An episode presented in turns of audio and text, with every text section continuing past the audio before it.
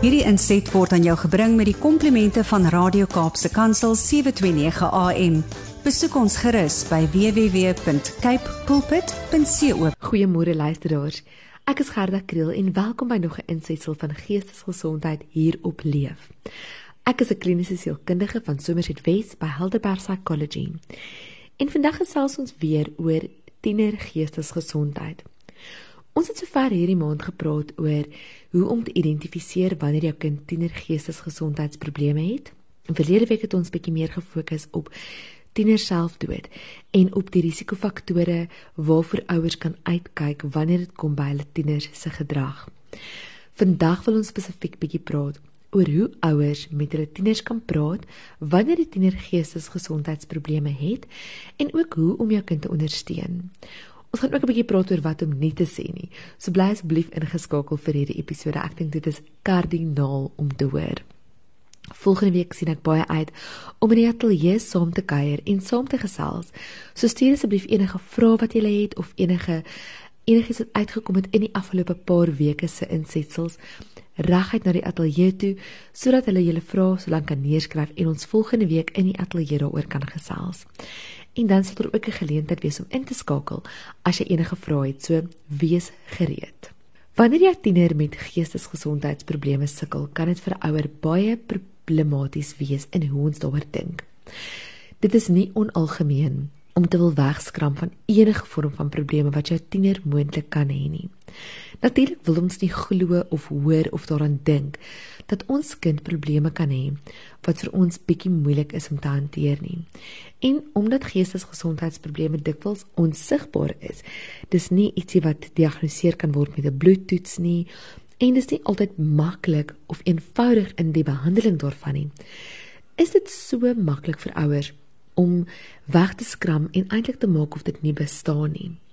Dit gebeur dikwels. In my praktyk sien ek hoe ouers hulle tieners bring vir terapie wanneer die die geestesgesondheidsprobleme reeds ver gevorderd is.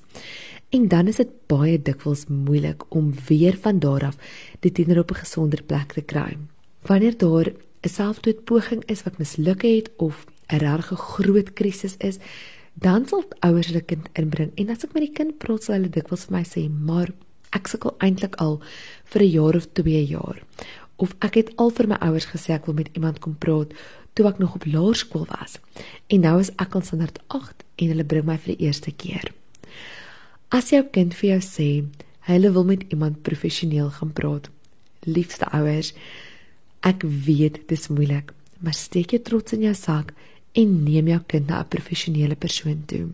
En met steek trots in jou sak, bedoel ek dit baie empaties want ek is self ouer en ek weet hoe moeilik dit is om te erken dat ons kinders hulp nodig het wat ons eie vermoë om hulle te help eintlik oorskry.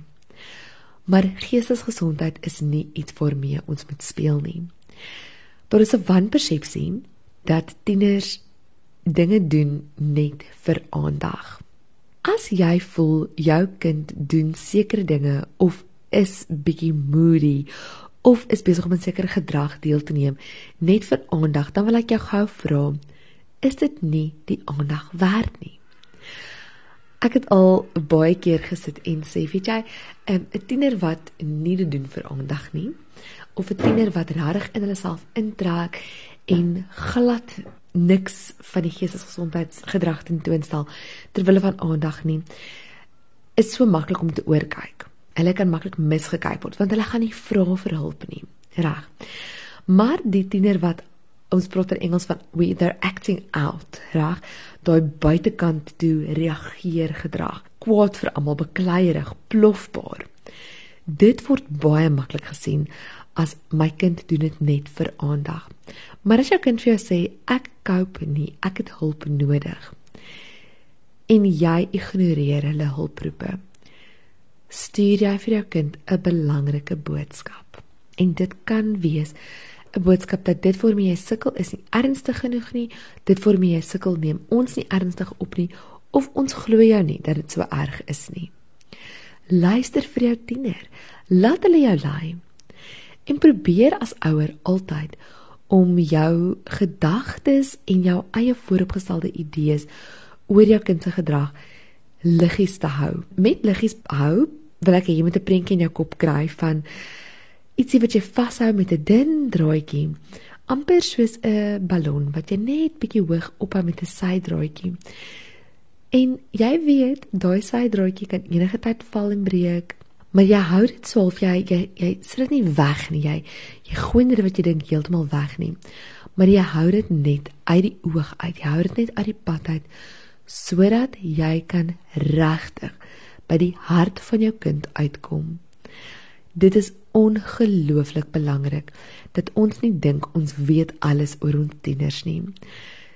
Ouers, of jy nou wil weet of nie, jou kind het 'n lewe waarvan jy nie heeltemal deel is nie. Of dit die lewe by die skool is en of dit die lewe aanlyn is, maak nie regtig saak nie. Maar daar is dinge wat jou tiener doen en dinge wat jou tiener mee besig is waarvan jy nie weet nie en dit is goed en reg so.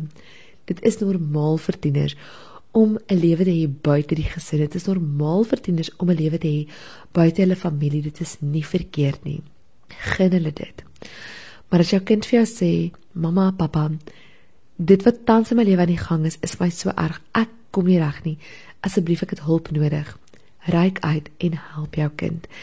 Of dit nou met professionele raad is en of dit met medikasie is en of dit is deur doeteenvoudig te gaan stil en te kan gaan kyk saam met jou kind watter veranderinge hulle in die lewe moet maak.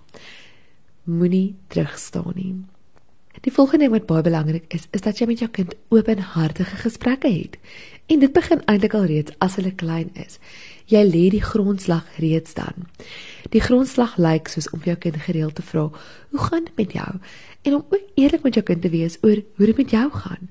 Ons kinders weet as ons hulle dinge wegsteek en hulle is smagtend na autentiekheid. Met ander woorde, opregtheid. Dat ouer eerlik vir hulle kan sê. Net soos wat hulle regtig by jou wil hoor, wil hulle ook regtig met jou praat.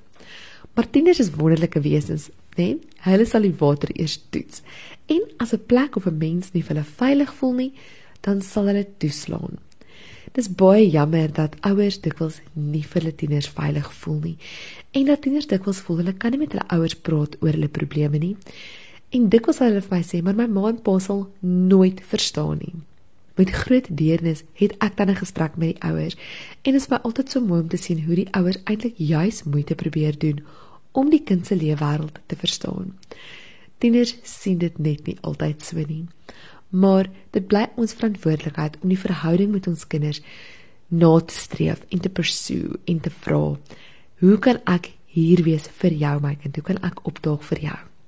Dan moet ouers ook sensitief wees vir hoe hulle praat rondom ander mense of oor ander mense wat geestesgesondheidsprobleme het dit help nie jy wil hê jou kind moet jou kom praat maar jy praat van iemand wat geestesgesondheidsprobleme het as mal van hulle trollie af simpel aandagsoekerig of enige negatiewe konnotasie nie. Jou kind gaan kyk of jy 'n veilige ouer is gebaseer op jou vermoë om met hulle te kan praat op 'n manier wat daar geen oordeel betrokke is nie.